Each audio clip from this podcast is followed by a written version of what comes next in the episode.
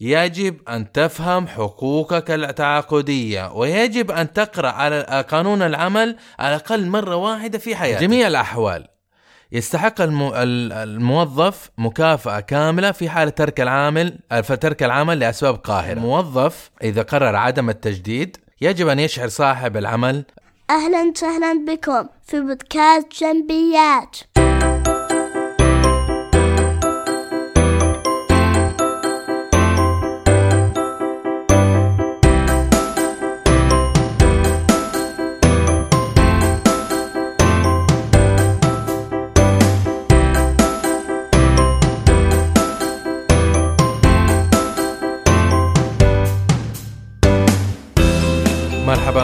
في بودكاست جنبيات.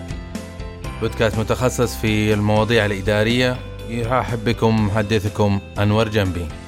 موضوع هذا الأسبوع هو مكافأة نهاية الخدمة والتعويضات. يدور الحديث والنقاشات كثيرا في جميع آه، وسائل التواصل والمنتديات والمجالس حول حول العقود العمل وكيف يمكن انهائها بالطريقة الصحيحة وكيفية حساب كيفية حساب مكافاه نهاية الخدمة. آه، وأيضا بعد التعديلات في السنة الجارية بوجود المادة 77 ظهر لدينا نظاميا آه، تعويض نظامي. آه، يعرف تعرف المادة 77 كما ذكرنا. الآن للنظر إلى العقود توجد لدينا نوعان من العقود. عقود المحدودة المدة وعقود غير مفتوحة أو غير محددة المدة العقود محددة المدة يعني أن لها مدة محددة تنتهي ويجدر بها تجديدها آه، أو أنها تتجدد آه، تلقائيا هل هي مرتبطة هذه العقود المحددة أن تكون مدتها سنة؟ لا لكن الغالب أن سوق العمل يرى أن عقود العمل تكون المحددة تكون سنة، لكن هناك أيضا عقود محددة سنتان وثلاث سنوات أو أربع سنوات تبعا لاتفاق صاحب العمل والموظف، عادة المدد هذه تكون كبيرة في الوظائف الإدارة الوسطى الإدارة العليا. كل ما ارتفعت هذا ترتفع المدة لأن أهدافه أهداف توظيفه واستقطاب هذا الشخص تكون أكثر تعقيدا من من توظيف آه، شخص آه، في آه، السلم الأدنى من في في المنظمة. عموما نرجع إلى العقود المحددة، العقود المحدده لانهائها توجد هناك اثنين scenarios. ما هي اثنين scenarios اللي ننظر لها؟ هناك قرار عدم تجديد العقد وهناك قرار إنهاء العقد. عدم تجديد العقد يكون مثلا ماذا نقصد بعدم عدم تجديد العقد يكون يأتي أو يشرف انتهاء العقد تاريخه قرر صاحب العمل أو أو الموظف أنه لا يريد الاستمرار آه، العلاقة التعاقدية هذه ولا يريد تجديدها. فماذا يفعل في هذه الطريقة؟ فهناك طرفان في العقد وهما الموظف وصاحب العمل، الموظف إذا قرر عدم التجديد يجب أن يشعر صاحب العمل آه، بفترة قبل نهاية آخر يوم آه، عمل أو قبل نهاية العقد بفترة إشعار. فترة الإشعار في النظام الجديد المعدل آه، يساوي ست لا يقل عن 60 يوم. وعادة يجب أن تذكر في العقد.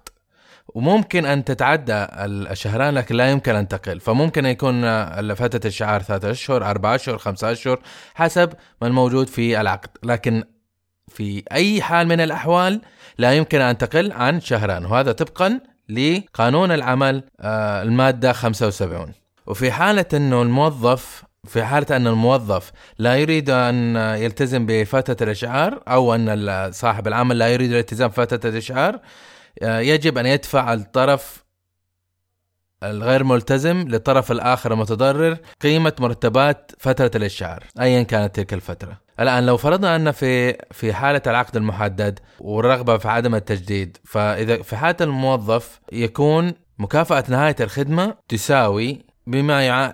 اعتمادا على فترة خدمته. فإذا كان خدمته أقل من آه، سنتان فلا مكافأة له. لكن إذا كانت خدمته بين سنتان وأقل من خمس سنوات فله ثلث راتب عن كل سنة عملها. أما لو كانت بين خمس سنوات وأقل من عشر سنوات فله ثلثي راتب عن كل سنة عملها. لكن في حالة إذا كانت أكثر من عشر سنوات عمل ففي هذه الحالة له راتب كامل عن كل سنة. وهذه هي طريقة احتساب فترة الخدمة. ماذا عن إذا كان صاحب العمل يريد إنهاء آه، عدم التجديد عفوا إذا كان صاحب العمل لا يريد آه، تجديد عقد العمل ويريد إنهاء لأي سبب كان؟ ومن حقه في العقود المحددة من حقه أن أن لا أن يقرر أن لا أنه لا يريد أن يجدد هذا العقد. وبناء على المادة 84 فإن في هذه الحالة تحسب مكافأة نهاية الخدمة للموظف على النحو التالي. نصف مرتب عن كل سنة من الخمس سنوات الأولى. ومرتب كامل عن كل سنة بعدها يعني مثلا لو كان موظف خدمته ست سنوات فالخمسة سنوات الأولى كم عددها؟ خمسة سنوات فله نصف مرتب عن كل سنة يعني نصف مرتب عن كل سنة يعني تقريبا مرتبين ونصف طب والسنة السادسة كيف أحسبها؟ أحسبها نصف مرتب؟ لا أي شيء أي سنة فوق الخمس سنوات الموظف له سنة آه، له مرتب كامل. فلو كانت سنة فوق الخمس سنوات هذا ياخذ مرتب واحد. لو سنتين له مرتبين. لو لو لو ثلاثة فله ثلاث مرتبات وهكذا.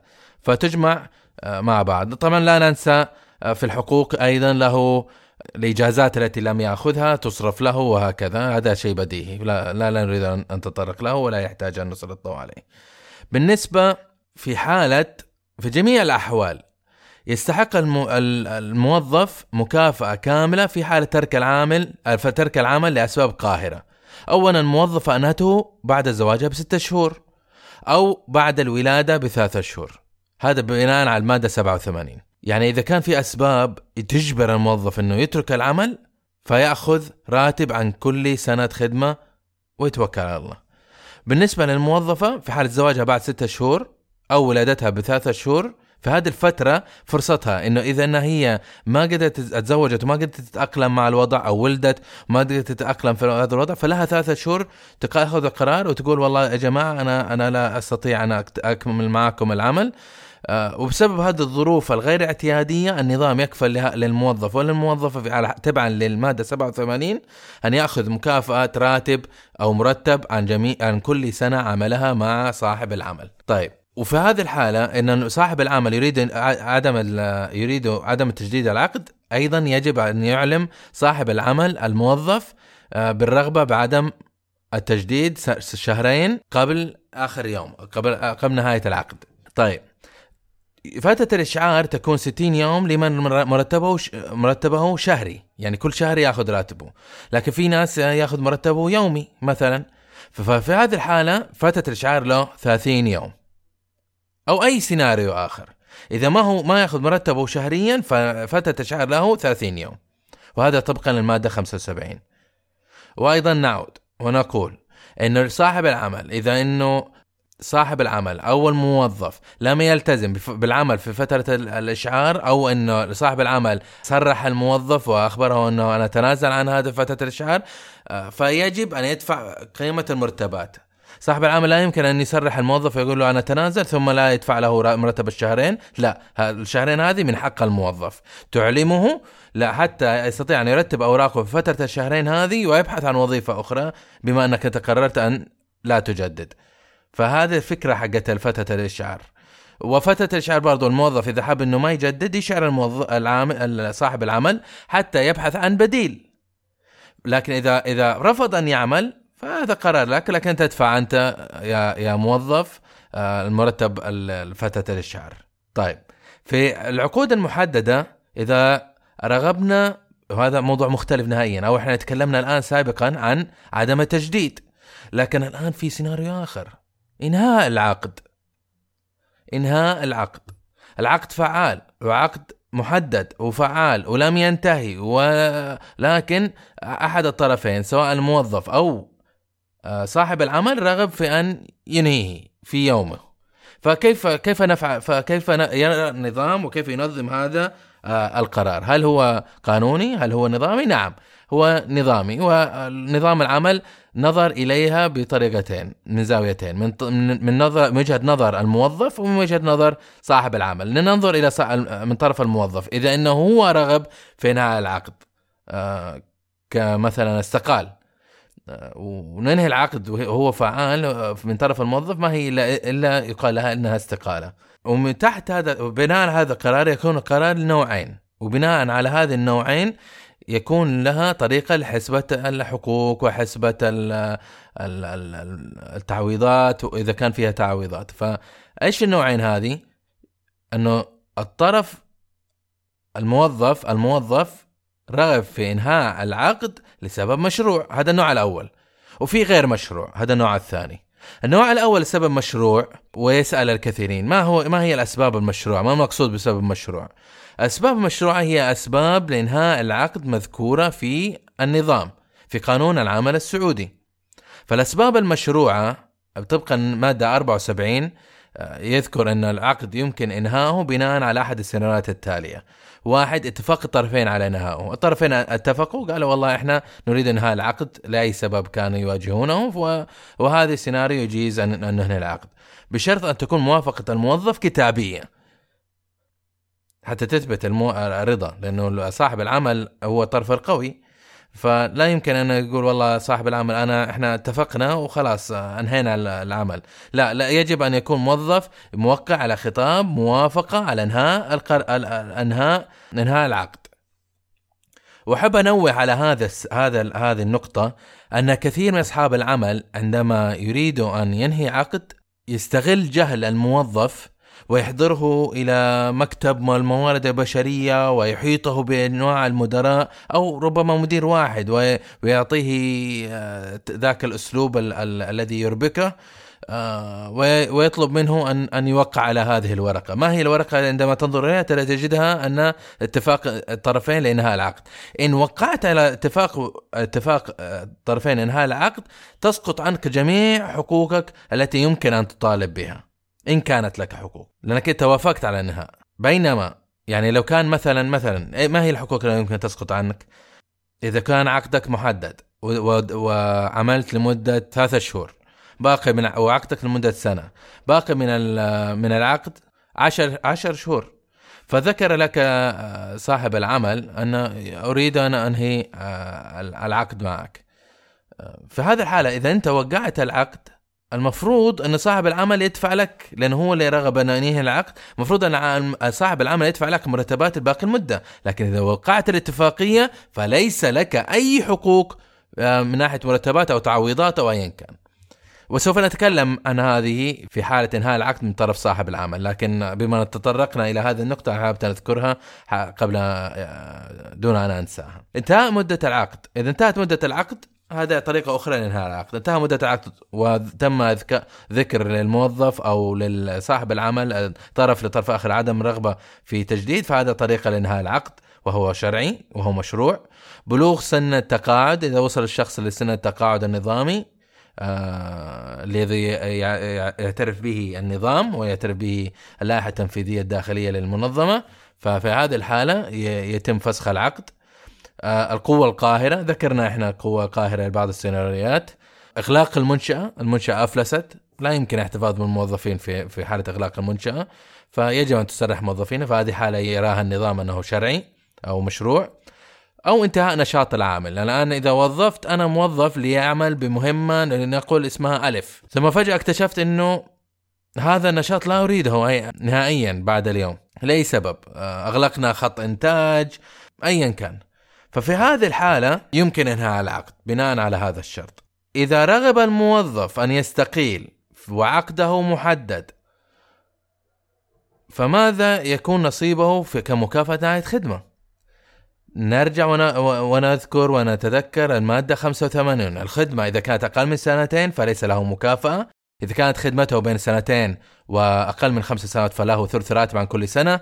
إذا كان بين خمس سنوات وأقل من عشر سنوات فله ثلثي الراتب عن كل سنة. آه، أو إذا كان أكثر من عشر سنوات خدمة فله راتب كامل عن كل سنة. يستحق المكافأة كاملة في حالة ترك العمل لأسباب قاهرة أو الموظف موظفة أنهته بعد زواجها بستة شهور أو ثلاثة أشهر بعد الولادة فكما في المادة 87 وذكرنا هذه المادة من قبل. يجب الاشعار بمدة لا تقل عن سنتين هذه ذكرناها كما من المادة 75 إذا لم يلتزم بالعمل بفترة الإشعار عليه دفع أجر تلك الفترة المتفق عليها وهي المادة 76 ونعيد في جميع أسرياتنا سنعيدها لأنها مهمة هذه الزوايا. الآن الموظف إذا رغب في إنهاء العقد المحدد هو عنده عقد محدد ورغب في انهاء العقد لسبب غير مشروع. الاسباب غير مشروعة ما هي؟ هي التي لم يذكرها النظام.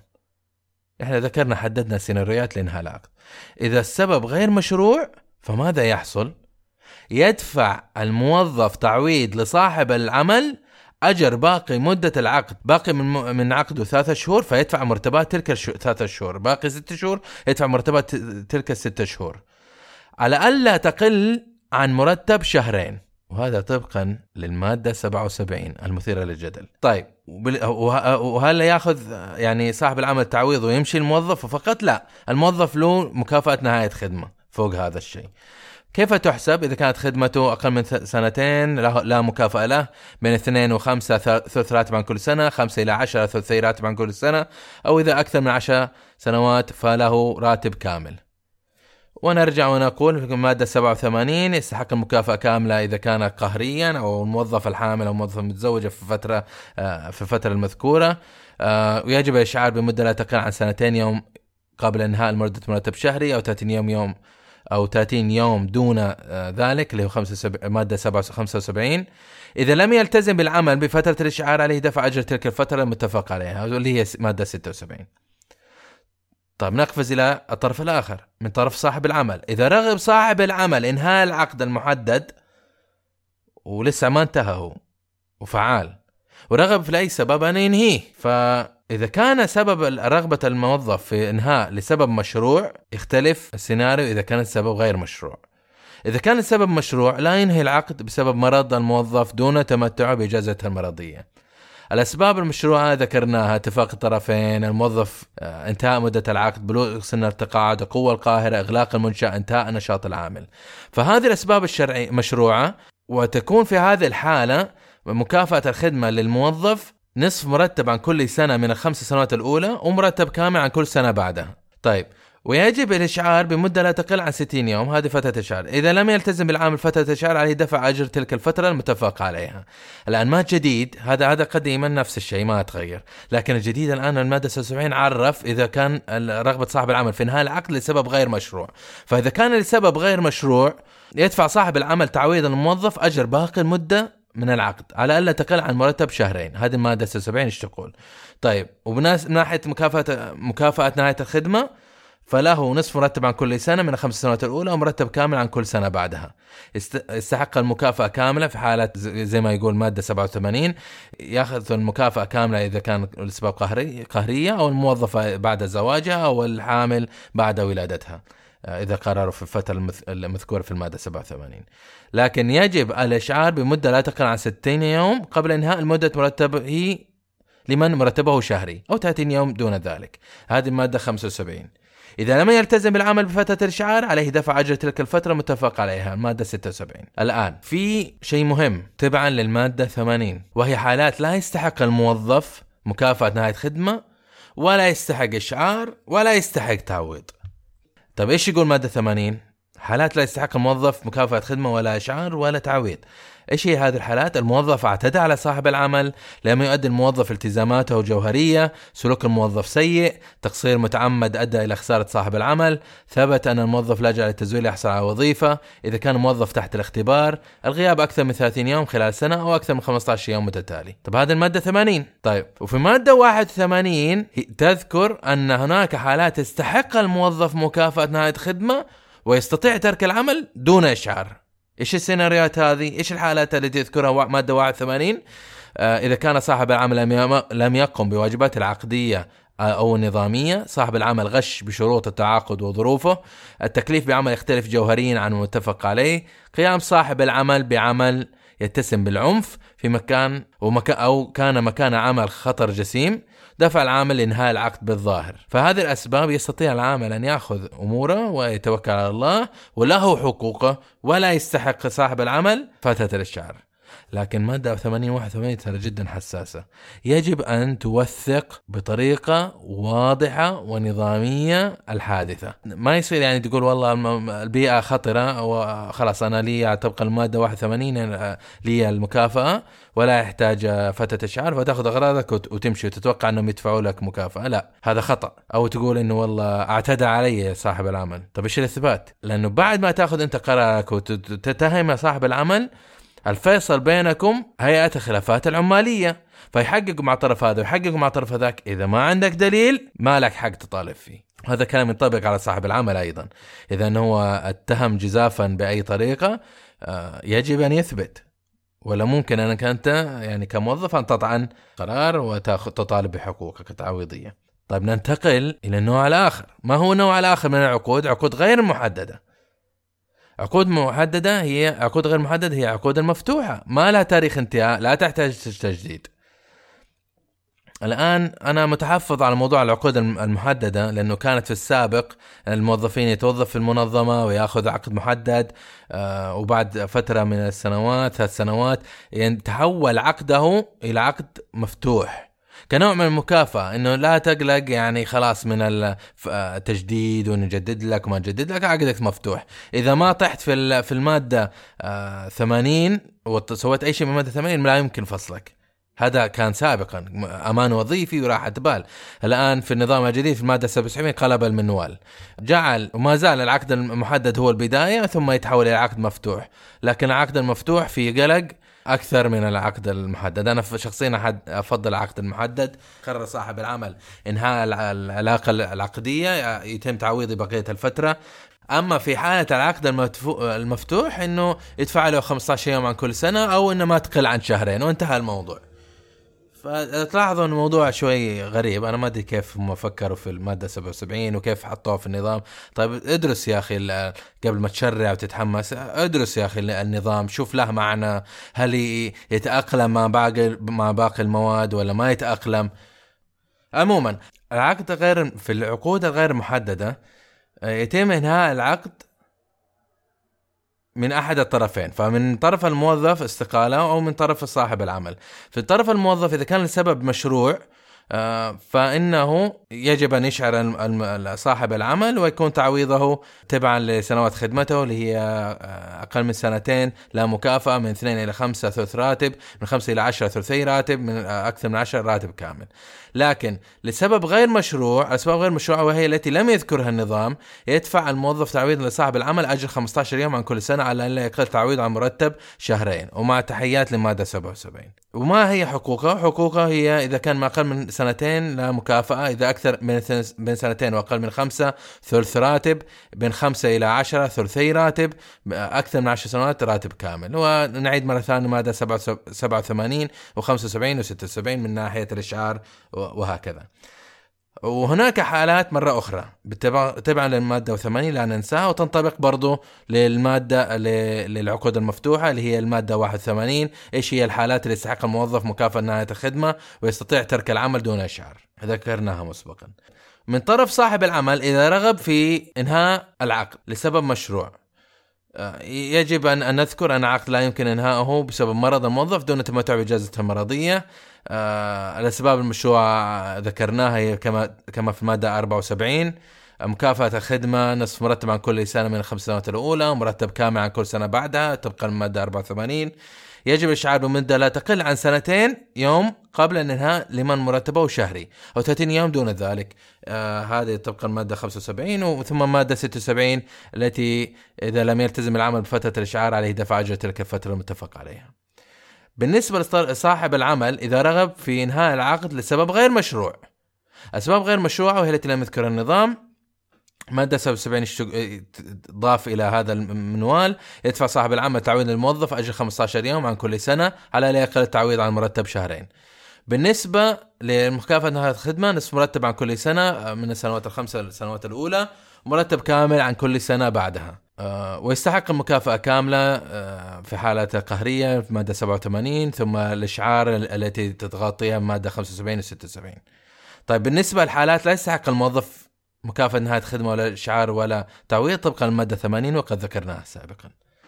وبهذا أخذنا نظرة سريعة عن العقود وأنواعها وكيف يمكن إنهائها وما هي السيناريوهات.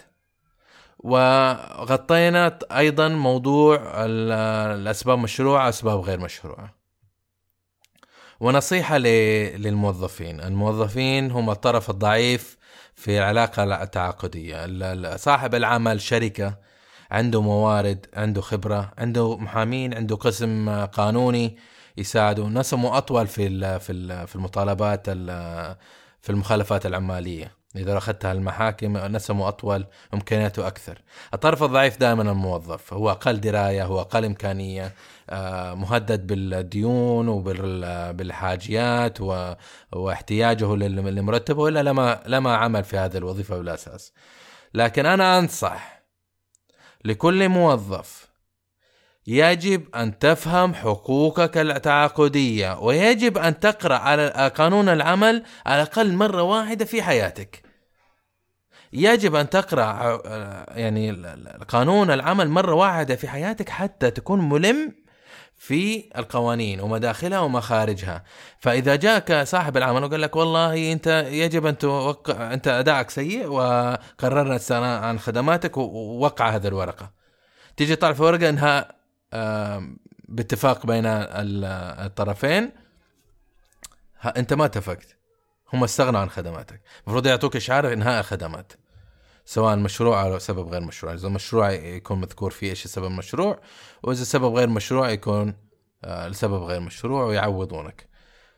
آه لا توقع لا تقول لي والله ضغطوا علي إن أنا أستقيل. ما حد يضغط عليك ما حد يضغط عليك. أنت موظف عند عند هذا المكان آه لا يمكن أحد أن يضغط عليك. الإشكالية في في في العلاقات التعاقدية هو تخلل ووجود أطراف كثيرة. المدير المباشر المدير العام المدير التنفيذي آه، مدير موارد بشرية اخصائي الموارد البشريه آه، ولا نستغرب أن هذه الأطراف ليست كلها ملمة بأنظمة قانون العمل وكثير منهم ليس ملمين بالإدارة أساسا. وبهذه السبب هذه الحالات قد يتعرض موظف للظلم والجور. فيا موظف احمي نفسك واقرأ قانون العمل. وبهذا انتهينا من حلقة هذا اليوم والذي تكلمنا فيه عن عقود العمل والأسباب المشروع أسباب غير مشروعة ومكافأة الخدمة تعويضات. ونأمل أن قد وصلنا أو وفقنا ربي إلى إيصال الفكرة والمعلومة. وبهذا وصلنا إلى نهاية حلقة هذا اليوم. نشكر لكم انضمامكم لنا إلى بودكاست الحلقة السادسة. آه، وندعوكم إلى زيارة مدونتنا على العنوان جامبي دوت إم إي. آه، فتجد فيه الكثير من التدوينات حول المواضيع الإدارية وقوانين العمل والتوظيف. آه، وأيضا نص هذا هذا البودكاست. إلى لقاء آخر. يودعكم محدثكم أنور جنبي. في أمان الله